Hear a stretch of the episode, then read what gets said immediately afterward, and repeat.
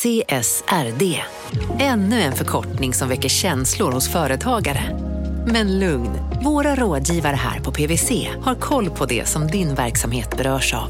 Från hållbarhetslösningar och nya regelverk till affärsutveckling och ansvarsfulla AI-strategier.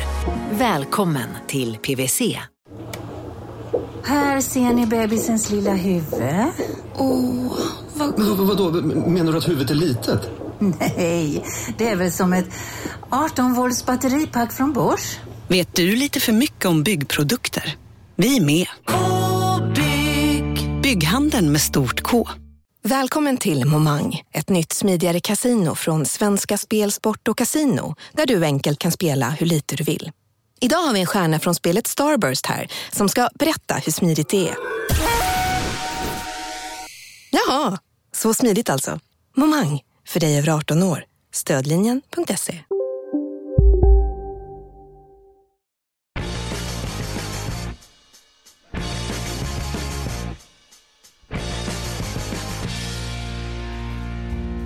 Det är torsdag och lika självklart som ärtsoppor och pannkaka är det väl att du lyssnar på De kallar oss krypto, din ultimata guide in i kryptovärlden. Där det skakar ordentligt igen. Ännu ett blodbad är på gång eller över oss. Ja, vi ska prata om det här och mycket annat i dagens avsnitt. Jag heter Mårten Andersson, är komiker, entreprenör bakom klubben Raw som äntligen får öppna igen. Fantastiskt kul, hoppas ni vill komma och skratta.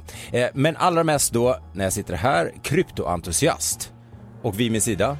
Gunnar Harjus, men eh, tydligen också golfproffs. Jag ringde dig igår och försökte styra upp en grej för att sitter och var så här, ah, stå på golfbanan och ha en tävling vet du. ja, eh, ja, precis, jag spelar golftävling. Fråga inte hur det gick. Hur gick det? Eh, ja men alltså, vi säger så här då. Jag, jag, jag vann ett pris på närmast hål. Mm. Var, och hela mitt lag vann då champagne och massa grejer från ett företag. Eh, så det var ju trevligt. Men i övrigt så spelade jag alltså så sinnessjukt dåligt. Jag har ju spelat golf i 30 år, jag har aldrig varit sämre. Alltså det, det, så, det, det, går sämre för mig än bitcoinkursen för tillfället. Alltså det, är, det är tufft. Ja men så blir jag så arg också. För jag, jag, älskar att spela golf men när det går dåligt blir jag så besviken. Så att det flyger lite klubbor här då. Så, så nu i en chattgrupp där jag är med med massa andra komiker så var det någon som sa så här, Mårten hur, hur långt går din järnsjua? Det var så här, menar du slag eller kast? Ja, kast är väl det troligaste just nu då antar jag. Ja, kasta en provisorisk utifall du inte hittar första. Vi har ju det flera gånger, jag har haft flera, hela familjen engagerad och letat efter mina golfklubbor i träd. Ja, oh, gud. Min enda relation till golf är att jag en gång hyrde en stuga bredvid en golfbana eh, nere på västkusten och eh, där liksom låg en åker bredvid 15 utslaget mm. eh, som var out of bounds då, så att eh, om man slår ut bollen där så förlorar man den. Just eh, och där gick jag och en kompis och letade bollar, den här som, jag tror vi hittade så 150 stycken eh, Pro V1 som är den dyraste bollen, kostar 150 spänn för ett paket eller något sånt där. Ja. Så att, eh, det Stod det Raw Comedy Club på allihop? Okej, okay, eh, känner du dig redo att dra igång Gunnar? Föddes redo. Ja, härligt.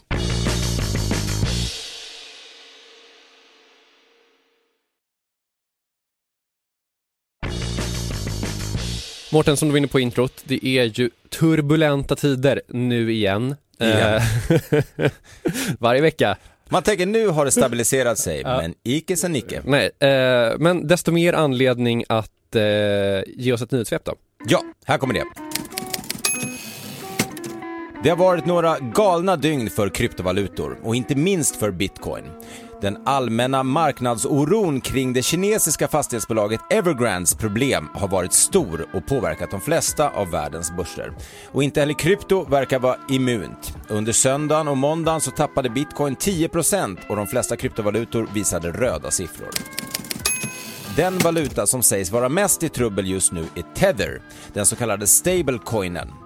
Tethers tillgångar är inte offentliga, men det spekuleras i att valutan backas upp av bland annat kinesiska företagsobligationer som kan tappa mycket i värde om Evergrande skulle gå under.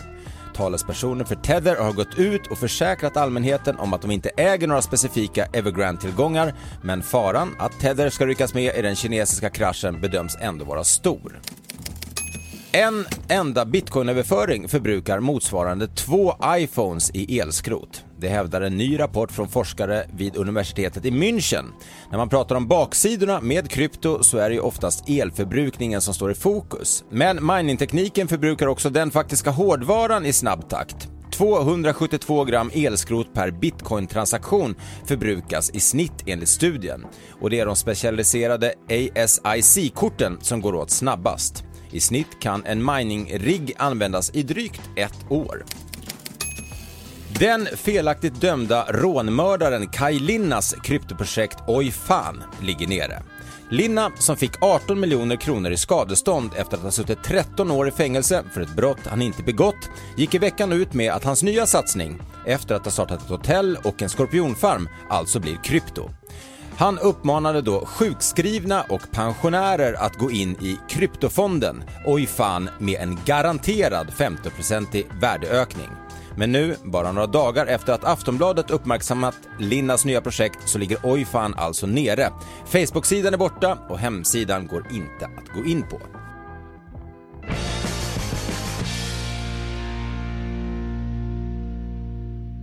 Med risk för att vara lite vitsig så blev kanske oj fan, aj fan. Snyggt. Ja, det är starka tackar. papper. Så en kul tweet som var ehm, typ så, eh, jag var skeptisk mot krypto förut när bara Mårten Andersson höll på med det, men efter det här så känns det tryggare och så var det en länk till att Kaj Linna går in i krypto.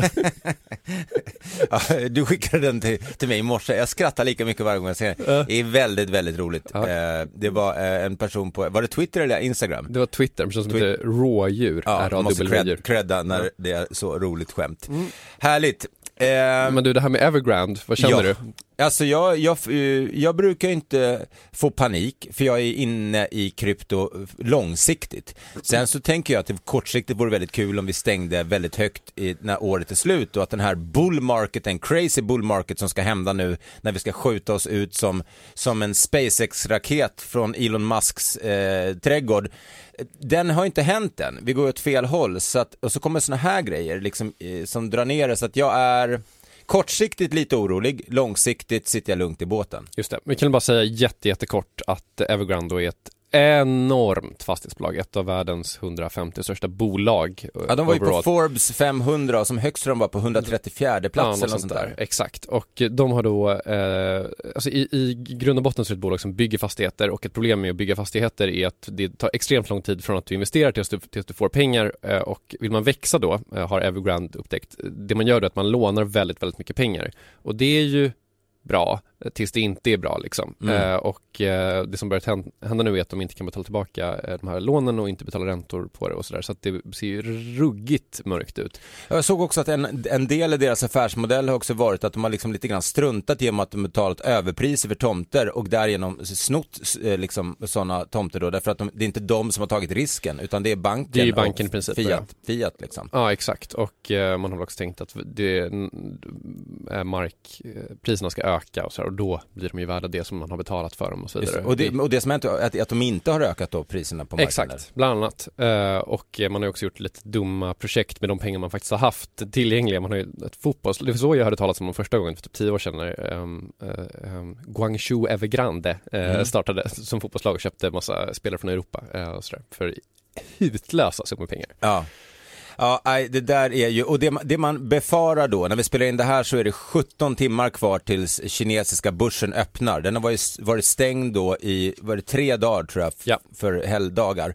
Och eh, kryptomarknaden är öppen, så fortfarande har ju folk kunnat köpa och sälja där. Men Evergrande är ju ett makrobolag, så att eh, och, och när den, de har inte kunnat sälja, så vad händer när den marknaden, om den får panik, då dras ju krypto ner. Det är, Men en sak som jag tycker är intressant med det där, det är att liksom, eh, man har ju, pra- eller i alla fall vissa människor pratar ju om krypto som någonting som ska vara relativt sett frikopplat från den Ja, här ja, en typ- hedge, en hedge En mot... hedge mot de här typen av grejer. Alltså så här, när, när börsen går ner så är det lugnt för att krypto finns och det har ingenting med det här att göra. Och jag tycker att det är intressant att eh, det som verkar hända nu är att det är mycket närmare kopplat än vad man har tänkt tidigare. Och jag tänker att det kan bero på eh, två saker. Dels bara eh, människan är ett liksom eh, irrationellt djur som tänker att allting hänger ihop och alltså sådär. Mm. Eh, men sen också att det säkert är så att eh, de investeringar som vi pratat om tidigare, alltså att så kallade institutionella investeringar, alltså att stora fonder gått in med pengar i Mm. krypto och sådär, att när det händer när, när stora fonder som kanske också har väldigt stort kapital uppbundet i aktiemarknaden eller räntemarknaden och sånt där, när de går in i krypto också så skapas det automatiskt ett band mellan de här två marknaderna för att nu behöver Ah, okej. de liksom säkra upp sina risker, de är min, mindre benägna att ta risker och då kan de kliva ur krypto och då blir liksom en koppling mellan de här två sakerna fast det egentligen kanske inte har skitmycket med varandra att göra. Det här är ju komplicerade saker som du vet, men Eh, vi har ju en uppsättning av eh, så kallade orakel. Eh, så att jag ringde till ett av dem, Anna Svan, för att ta reda på vad är det som egentligen händer. Vad är det som händer Anna? Det som har hänt med kryptomarknaden är ju att egentligen, och inte bara med kryptomarknaden, men alla världens marknader har reagerat på den här Evergrande eh, grejen som har skett nu. Och eh, hela världen såg liksom framför sig en Lehman-situation som vi såg 2008 och då tryckte man på säljknappen för allt. Så man gick alltså från att eh, ha ett risk-on mindset, då man ville ligga i tillgångar med liksom, eh, hög avkastningspotential och helt plötsligt blev man jätterädd att allting skulle krascha och då bara sålde man allt. Så det var inte bara kryptomarknaden utan man såg det här i råvaror, man såg framförallt i aktier men i princip i alla olika typer av marknader. Så det påverkade såklart också kryptomarknaden. Eh, och eh, jag tänker att det är viktigt att peka på det här också för att man brukar prata om att kryptomarknaden ska ha en låg korrelation till till exempel aktier. Så vad var det som egentligen hände nu? Och eh, det finns en jättebra studie på det här som pratar om just korrelation mellan olika tillgångar och i, under olika situationer. Och det är nämligen så här att vid sell-offs, till exempel det som vi såg i mars 2020, så tenderar alla tillgångar att korrelera och falla tillsammans. Och det är för att investerare, precis som nu, de går från risk-on till risk-off. Och då är det den enda tillgången som egentligen presterar bra, det är amerikanska dollarn. Men att alla de här tillgångarna säljs av samtidigt behöver inte betyda att vad det nu än är som har skett och alltså lett till det här säljtrycket har med just den tillgången att göra. Utan handlar egentligen bara om att risksentimentet hos investerare generellt har gått ner. Och det skulle faktiskt kunna leda till att det blir ett riktigt, riktigt bra köpläge som till exempel då för att referera igen till mars 2020 med bitcoin full till typ 4 000 dollar. Man önskar att man hade köpt mer då. Eh, men för att eh, en grej som jag undrar över är den här liksom, du pratar om liksom att alla investerare går från risk-on till risk-off och hela den grejen. Eh, blir krypto mer påverkad av det nu än vad det kanske hade blivit för tre år sedan? För att vi nu har mycket fler liksom, institutionella investerare som har gått in i krypto och liksom kanske mer tänker på det som en, en så så här, åh, nu måste jag omallokera min portfölj medan förr kanske det var mer personer som jag som ägde det som kanske inte tänker på det så mycket som en portfölj utan mer så här, ja jag äger lite krypto också. Ja, nej, men jag skulle definitivt säga att eh, ju fler investerare som har fler tillgångar än bara krypto eh, som rör sig in mot krypto, desto mer kommer vi se att priset på krypto också rör sig tillsammans med andra tillgångar vid totala sell-off som vi såg nu. Så det finns definitivt, eh, det finns definitivt en sån koppling. Eh, att det blir ändå liksom en tillgång som, som rör sig tillsammans med alla andra, även om korrelationen över långa perioder är väldigt, väldigt låg. Så, så absolut, så är det verkligen. Okej, det har blivit hög tid tycker jag att ta in veckans gäst. Hon är fintech-profilen med 20 års erfarenhet av, du fnissar här, fintech-profilen med 20 års erfarenhet av allt som har med teknik, banker och finans att göra. Hon är ordförande för Swedish Fintech Association och styrelseledamot i kryptobolaget Gobit Group. Varmt välkommen säger vi till Erika Eliasson. Tack snälla, tack snälla. Du börjar skratta vid fintech-profilen. Fintech-profilen låter lite grann som att man efterlyst. Jaha, ja, här är jag äntligen, på med handklovarna. Ja, men jag, jag googlade ditt namn och då var det så här, dyka upp fintech-profilen Erika Eliasson tänkte jag, ja det går rätt in. Ja, jag. vi kör på det, vi Ja. kör på det. Ja. Vad står det på visit, nu har man inte visitkort längre, men LinkedIn kanske. Vad, vad, vad, vad, vad kallar du dig själv? Har du en titel? Jag tror jag har skrivit där att eh, fintech executive och eh, rådgivare och eh, ja, lite oblandat. Okej, det är ett långt visitkort. Exakt. Exakt. Ja. Härligt, varmt välkommen hit. Tack Eh, snälla. Eh, Men du, du har ju en väldigt så solid erfarenhet av, eh, vad ska man säga, det vi skulle kalla mer traditionell eh, finans, men eh, liksom eh, finansiell teknik och hela den grejen. Och du har ju också börjat doppa eh, tårna eh, i det här med krypto. Eh, så jag tänkte det är liksom det vi ska prata om idag, lite mm. som mötas mellan de två världarna. Men, men hur ser din, din bakgrund ut? Vad har jag gjort för någonting? Ursprungligen så är jag uppvuxen i, i Norrland, men det var ju väldigt länge sedan. Men en, i en entreprenöriell familj, så jag har alltid haft det entreprenöriella i mig. Men sen läste ekonomi vid Uppsala universitet. Men just att också den här kopplingen mellan näringsliv och samhälle har alltid intresserat mig. Eh, sen hamnade jag inom finanssektorn, eh, bland annat på Erik Penser Bank, jag var på Evli. Eh, så, så väldigt så här, traditionell eh, finans, men mer på affärssidan. Sen så hade jag en, jag fick mitt första barn för det vad jag ska göra, vad ska jag göra nu och så fick jag till barn. Tänkte, men jag vill ju inte, ska jag fortsätta i den här traditionella finansiella industrin? Jag vet jag var på någon tjusig lunch och det var väldigt tjusig utsikt och man satt där och tänkte att det här kommer ju faktiskt inte framtidens eh, generation vilja betala för. Man vill ju ha bra finansiella tjänster och sen kan jag köpa de här dyra luncherna själv. Mm. Så då tänkte jag, men nu ska jag, vill jag vara med på utmanarsidan, inte vara med och sitta på de här de mer traditionella och etablerade aktörerna som då vill bevaka sina positioner. Och då så eh, kom jag i kontakt med eh, grundarteamet på, på Lendify. Eh, så, så då knackade jag på dörren och sa att jag ville vara med på er resa och så att eh, 2016 då började på Lendify och var med och, och ja, var med och, och byggde Lendify under fem och ett halvt år då som eh, vice vd slutade jag som här då i, eh, i april då så har jag en, en friare roll. Eh, jag är rådgivare till olika bolag, ett eget bolag som heter Shebrain eh, och sen så eh, har jag ett antal styrelseuppdrag då. Men sen ord, även ordförande i Swedish Fintech Association som har varit sedan eh, 2000 var, var 2020 som jag började. Mm. Mm. Man, man anar ju där någonstans i det här att lite grann ta upp kampen med bankerna. Mm. Det låter ju inte helt långt till, därifrån till steget till att bli involverad i lite krypto då. Om man säger så här att jag är ju, som jag, jag är ju ingen kryptoexpert så har man den förväntansbilden så är jag fel gäst.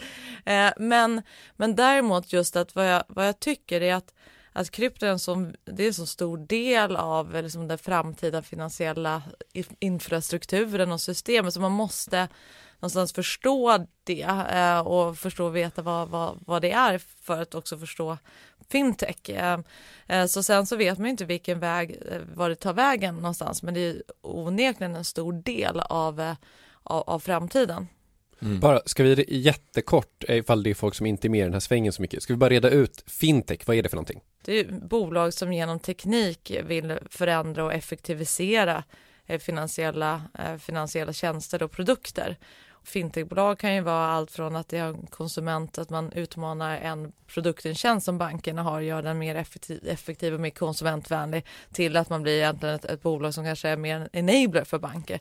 Det, det, är ju en trend man har sett de senaste åren att ja, men 2016 när jag började eh, med, inom fintech, det var ju väldigt att man skulle utmana med mycket appar och mycket konsum, konsumentrelaterade eh, tjänster.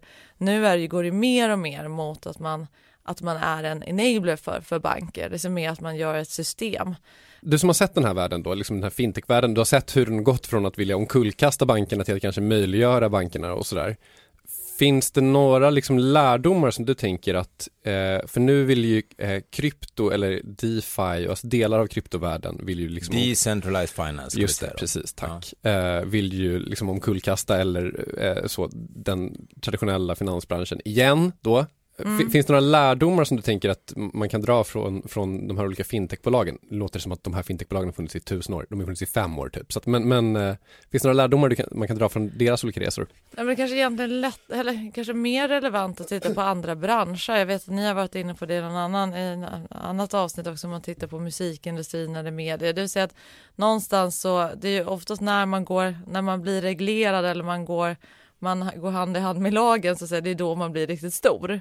Eh, så att det är väl det någonstans att eh, det, antingen så blir man så stor så att reglering kommer, till exempel som med Facebook. Jag menar, där kanske det kommer, där blir det mer reglerat. Med Spotify, jag menar, det är ingen som laddar ner och använder privat, Piratpartiet eh, länge. Så att, men, så att lärdomarna, det är väl att det är lite grann att eh, kroka arm med eh, med eh, reglerande myndigheter och att anpassa sig i det. Eh, Sen är det väldigt dyrt att bedriva finans, det är dyrt att driva bank. Det kanske är en ganska rimlig trend, trend också att bankerna blir mer och mer en infrastruktur och fabriker, investeringstunga fabriker. Eh, och, och eh, andra bolag runt omkring, fintechbolagen, kommer på smarta och tekniska innovationer. Eh, det jag tänker är då, jag vet inte om, om eftersom just krypto inte är det du jobbar främst med, mm. men om du har hängt med ändå på det här som har hänt i El Salvador, där kan man mm. prata om att absolut inte kroka arm. Uh, har du några tankar kring, kring deras move att bli världens första land att införa uh, bitcoin då som, som valuta? Ja men det är väl att då, då de går ett långt steg eh, och gör det till en, eh, en, en, valuta som är gångbar i alla butiker och för alla som, som betalmedel. För det är väl en sån sak som just i krypto är ju mångt och mycket en eh, det är mycket av en investering, inte ett betalmedel och det är i och med att det är så volatilt så är det också, kan det ju vara utmanande att ha det. Och de fick det... ju Världsbanken emot sig och det liksom, ja. Men, men på ett sätt kan man ju säga att det är ju att verkligen omfamna regleringen. Liksom det, det, ja. Den, den liksom, eh, vad ska man säga, liksom införandet av bitcoin El Salvador kommer ju uppifrån. Det kommer ju inte från någon slags brett bitcoin-community, det kommer ju från presidenten Mm. Som liksom så här, nu gör vi det här. På ett sätt så kan man ju säga att det verkligen är att så här, man reglerar fram en, en tillväxt liksom. Ja, men, men om man tänker, det är ju vad som är just nu med hela kryptomarknaden det är ju att och många, alla länder har så otroligt olika inställning till det. Eh, och, och många, mycket stora delar av finansbranschen är ju ändå ganska harmoniserat. Om man tittar på EU-nivå så, så är ju många regleringar, de är ju harmoniserade. Och det är klart att, att eh, för att krypto verkligen ska ta fart så är det ju underlättare om det finns någon typ av gemensam syn på, på det eh, globalt. Men, men om man säger en lärdom också av att utmana banksystemet då, eh, det är ju att det är mycket lättare om man finns inne med de så här tydliga så upp, upptrampade banorna. Jag menar att det är så pass många som kan ha en exponering mot, mot krypto är ju mycket för att det finns eh, olika ETFer och det finns saker att köpa som ändå du kan ha en ISK och så vidare. Mm. Så på investeringssidan där har man ju faktiskt dockat in i det etablerade systemet och då blir det ju lättare och mer tillgängligt för alla.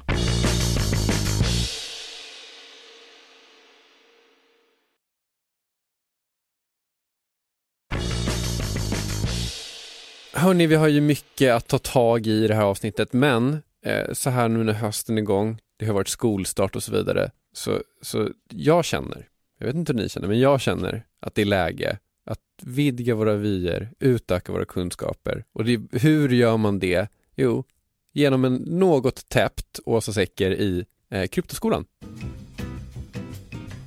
Kryptoskolan, lektion 14. Staking. Vissa kryptovalutor, till exempel ethereum, Cosmos, Solana, erbjuder någonting som kallas för staking. Lite förenklat så kan man säga att man får ränta på de mynt man sparar Eh, och på så sätt så blir man rikare och rikare och rikare. Om det låter för bra för att vara sant så är det för att det såklart finns en baksida. När du stakar ett coin så låser du dina tillgångar i den specifika tillgången. Det här funkar lite olika för olika mynt, men du kan till exempel välja att stejka dina ether i tre månader och så får du ett par procents avkastning på det.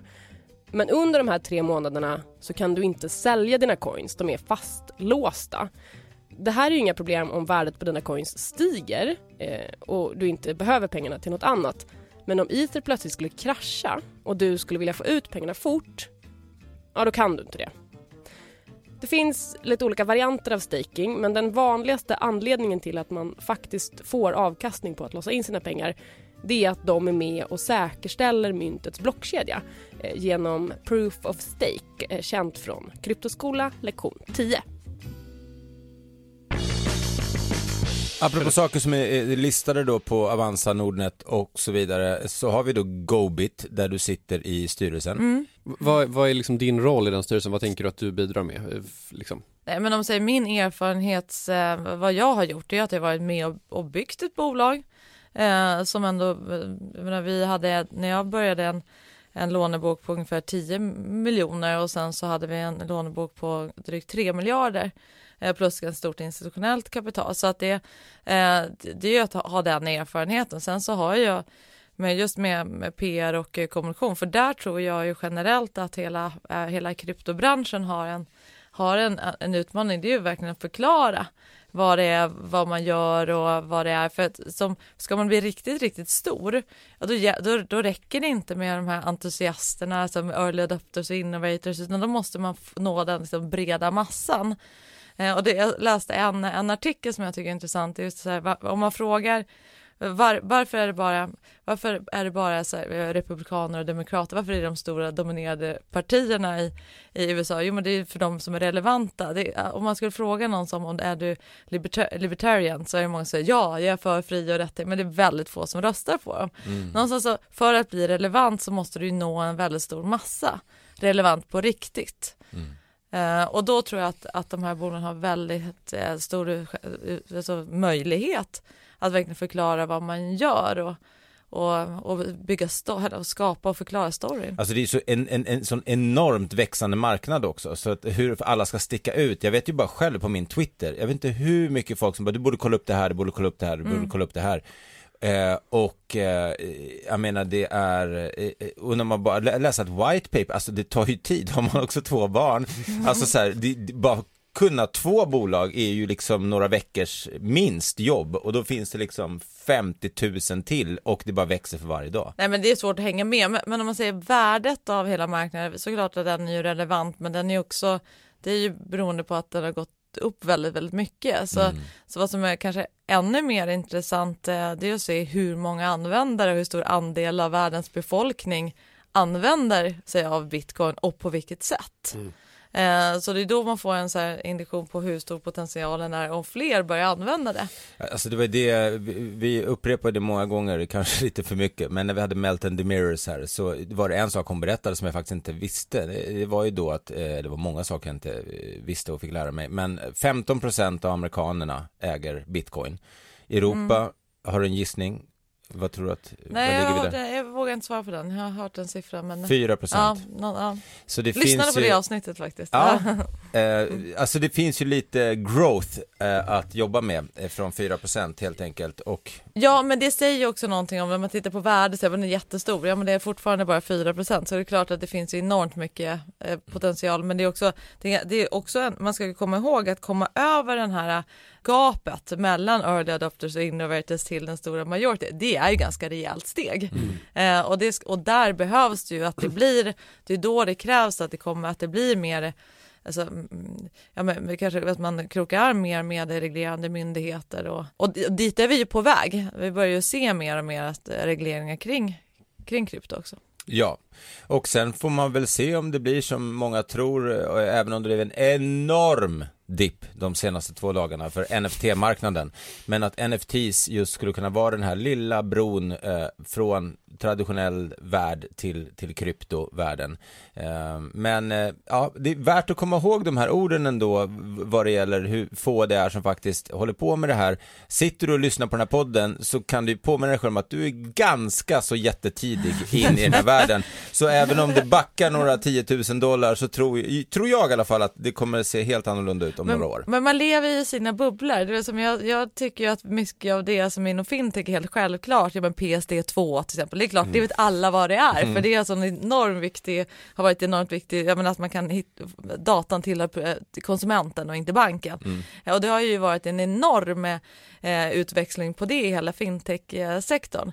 Eh, och även så här, mobilt bank-id, så man ska komma ihåg att många av de här, egentligen de här innovationerna nu även platser för, för, för bitcoin och krypto, det, det bygger också på att det finns mobilt bank-id, eh, Swish och så, så det är väldigt mycket som bygger på den här själva infrastrukturen också. Mm. Så mm. när det, när det händer någonting med den, då kommer det upp väldigt mycket affärsmöjligheter.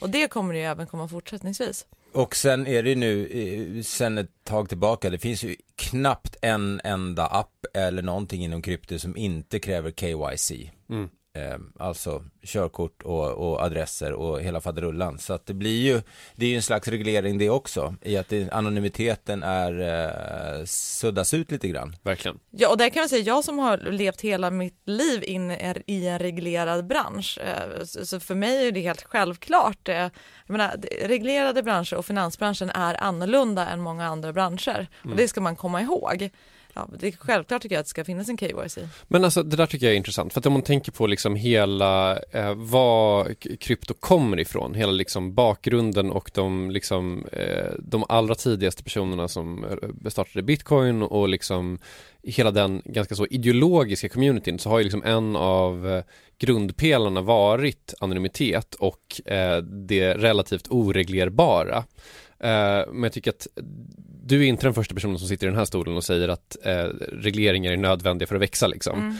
Det, fin- det finns ju en intressant clash där tycker jag Mm. mellan liksom det väldigt så eh, puritanska bitcoin-communityt Mm. och det som väldigt många, fler och fler säger måste hända för att bitcoin faktiskt ska kunna nå liksom bred adoption. Mm. Hur tänker du kring, kring den clashen?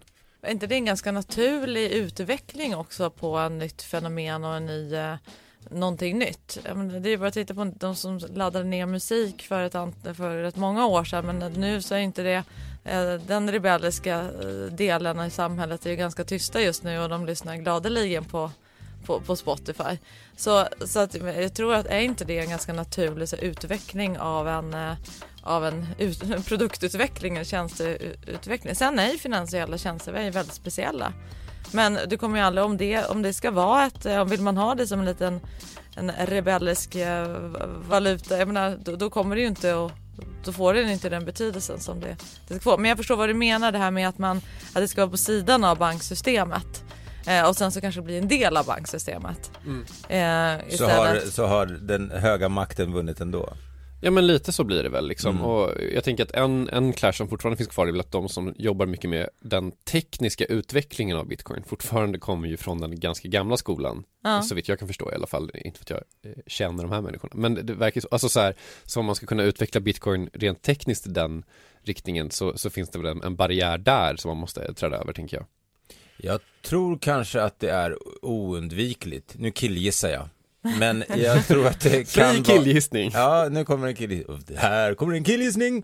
Nej men jag tror lite som du Erika, att det är, men jag tror att det är eh, nästan oundvikligt för massadoption. Och jag tror att väldigt många människor, jag vet inte om det är 90 procent, men, men jag tror att det är en mycket större del än vad man kanske tänker sig, som faktiskt litar på banker och hela eh, systemet och vill, ska man gå in i krypto så vill man någonstans ha någon som har säkrat upp det åt en. Jag tror 90 procent är en låg siffra jag tror att en- Jag tror att i Sverige så, eller, äh, kanske worldwide i och för sig, ja, men jag tror i Sverige så är det fler än 90% som Ja, men jag tänkte hela världen. Ja. Men, men, men som sagt, det kan ju vara, jag, skjut mig inte om jag har fel siffror, för det kan jag mycket väl ha.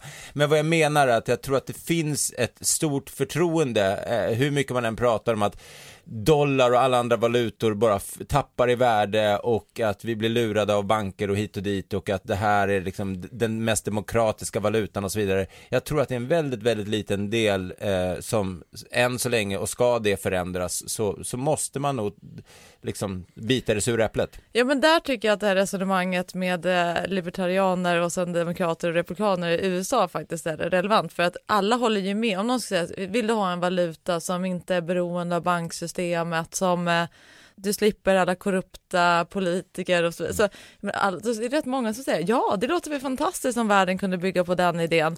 Men sen att faktiskt då göra det, det är en helt annan, annan sak. Då går man till de stora till storbanken. Jag vet inte, var har ni era bolån? Har ni dem eh, hos någon av storbankerna eller har ni dem hos någon mindre uppstickare?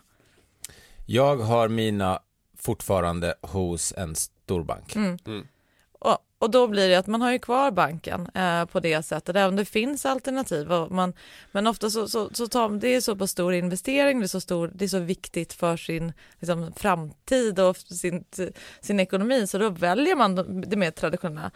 Så jag lyssnade på en annan eh, gäst som hade som hade investerat hela sin hela sin eh, alltså, vinst på lägenheten och utan att köpa en ny i, i just bitcoin. Geniet Takisavic. Geniet Dakisavic. och då tänkte jag så här, ja, ja det, det, det, det, det, är en annan, eh, det är en annan variant, men det, det är ju inte så den generella, den ge- gemene man, svensken gör. Nej. Det kanske man inte heller, det är kanske ingenting som är önskvärt heller. Så Vi skulle att, säga att eh, han hade någonstans att bo tack och lov, så det var inte Ja, och med geniet så menar vi det med, med stor värme. Jag älskar Dakisavic. Gud ja. Eh, Men, Kanske lite gambling bara, det han gjorde, och inget man kanske skulle rekommendera fler att göra. men den här stora armkroken då, Mm. hur ska den gå till? För att det här, det, det är liksom, jag tänker att det finns så många barriärer i liksom, eh, bara att förklara vad Ja. krypto är och, och vad, det kan, vad som kan hända mer. Vad- Hur, hur, hur ska man kunna, är det, är det, måste det komma ovanifrån? Är det regleringar som krävs, tänker du? Jag, jag har inget eh, direkt svar på, på det, men bara att man har för samtal med reglerande myndigheter och även att det kommer kanske från eh, på, på, EU, på EU-nivå att man ser, ser fördelar eh, med, eh, med det. Men, men, så jag har inget enkelt svar på det. Men jag tänkte en annan, om jag bara ändrar lite grann, ändra fokus, så var det så väldigt tråkigt att bara prata om regler. Men vad jag tror också, det är att man tittar på, eh, jag jag har tänkt på, det slog mig Eh, Jag har en son som är 11 år och han tycker, han, han önskar sig, det han önskar sig, det är ju pengar till Fortnite. Och jag tyckte att det är så otroligt, helt vansinnigt så att det var aldrig i livet, det får inte. Men sen förstår jag att det, det är det, det, han, det är lika mycket värde för honom som eh, som jag har världens sko eller tröja har, har för mig. Eh, så just de här digitala eh, värdena, såklart, det, alltså mer och mer den, mer och mer den världen växer. Eh, och då, då kommer man ju hellre vilja, då, behöver man inte, då är det bara skönare att kunna handla med en annan valuta än att handla med, att jag ska föra över på, eh, via Swish eller Trust eller vad det nu kan vara. Eh, så, så jag menar, den generationen de växer ju upp med helt andra eh, tankar kring vad, vad som är, har ett värde och det kan ju verkligen vara digitala, digitala världar. Och då, då ändras ju allting. Eh, så, så det är ju, men jag börjar med den generationen vill jag ha saker digitalt, då, då blir det en helt annan spelplan. Alltså det är någonting som vi bara har berört lite grann men, men det är någonting vi borde verkligen ta upp igen, krypto och gaming. Just den här, bland annat play to earn. Att du kan skapa NFT-er, alltså i form av, jag säger alltid svärd, det visar lite jag spelar. Jag kommer alltid med det där svärdet. Men att man då kan sälja det för en valuta i spelet som sen är listad på en exchange. Ja. Eh, Så att liksom, och du sätter priset på den och du säljer peer to peer. Ja. Alltså ja, det är, det är fascinerande. En av många, många, många eh, sidospår i Och då behöver det inte vara så reglerat för då blir det som ett slutet, sluten, sluten värld så att Ja. säga. Så, att det, så det finns ju massor med sådana delar men för att det ska bli så här riktigt så stor eh, omvälvande funktion i samhället då, då, då måste man väl kroka arm för det finns ju massor med sådana det är också så här, vad händer med penningpolitiken om inte, om inte det skulle vara eh, Riksbanken som skulle, skulle ha den makten utan Just skulle det. det ligga på en stor, stor, eh, stort community. Ja, och inte en nation, för det här var det Ja. vi var inne på med Melton bland annat, att Bitcoin nation, Ja. if you so will, Ja. eh, och så vidare. Men- Nej men det är ju, Men det vad kan- händer då? Precis, det är en Ja. jätteintressant eh, fråga. Så att det, antingen så måste vi reglera väldigt mycket eller så måste vi vänta tills att riksbankschefen är en, en stor Fortnite-spelare. Eller ligger under marken. Men, Jag tycker ju- jag är team nation ofta, jag gillar ju, gillar ju att bo i nation så att jag är, Ja, tror inte så eh, mycket på det där. Nej, okej. Eh, eh, Erika, eh, har, vill du lägga till någonting? Vill du pusha för någonting? Det får alla gäster göra som har varit och hälsat på oss. Ja, nej, men då, då nu när jag får lite egen sändningstid såklart måste jag pusha för, eh, för eh, Bokpodden som jag och Erik Wallin har tillsammans med Breaky som klipps av, eh, av eh, Monopol Media där vi sitter idag faktiskt. Just det, Mm. Och, och vad heter Bokpodden? Den heter Bokpodden. Den heter Bokpodden. Den heter Bokpodden. Mm. Ja. Eh, senast lästa bok för mig var Kalle Anka så att du behöver, Ja, jag ja, får men se kolla upp där den kan där. ja men då kan du ta igen det i poddform. Eh, Ja, exakt. Trevligt. Eh, Erika Eliasson, eh, fintech-expert och också styrelseledamot i Gobit Group eh, som finns listade på eh, de svenska börserna om man vill eh, utforska eh, det företaget. Eh, jättekul att ha dig här Stort tack, jättekul att vara här. och varmt välkommen tillbaka en annan gång. Eh, Gunnar Hardius, alltid lika kul att ha dig här. Detsamma. Eh, ska vi eh, runda av? Ska vi säga något om nästa vecka? Ja, eh, då är det eh, någonting så roligt som en nöjesspecial. Ja, det Eh, låter mycket roligare. det här var också jätteroligt. Eh, nej, men vi kommer foka lite på kändisvärlden eh, och krypto. Eh, både internationellt och svenskt, vilkas minne är det? Det är faktiskt inte bara jag och Kaj Linna, utan det är betydligt fler än så. Vi ska ta pulsen på det tillsammans med en expert inom området, så det får ni absolut inte missa. Det blir dessutom kryptoskola, nyhetssvep och allt annat som ni är vana vid här i De kallar oss krypto. Ni hör oss varje torsdag. Vi säger tack för idag. Jag heter Mårten Andersson och Gunnar Harjus. heter du. Tack så mycket. Hej då. Tack, Hej. hej.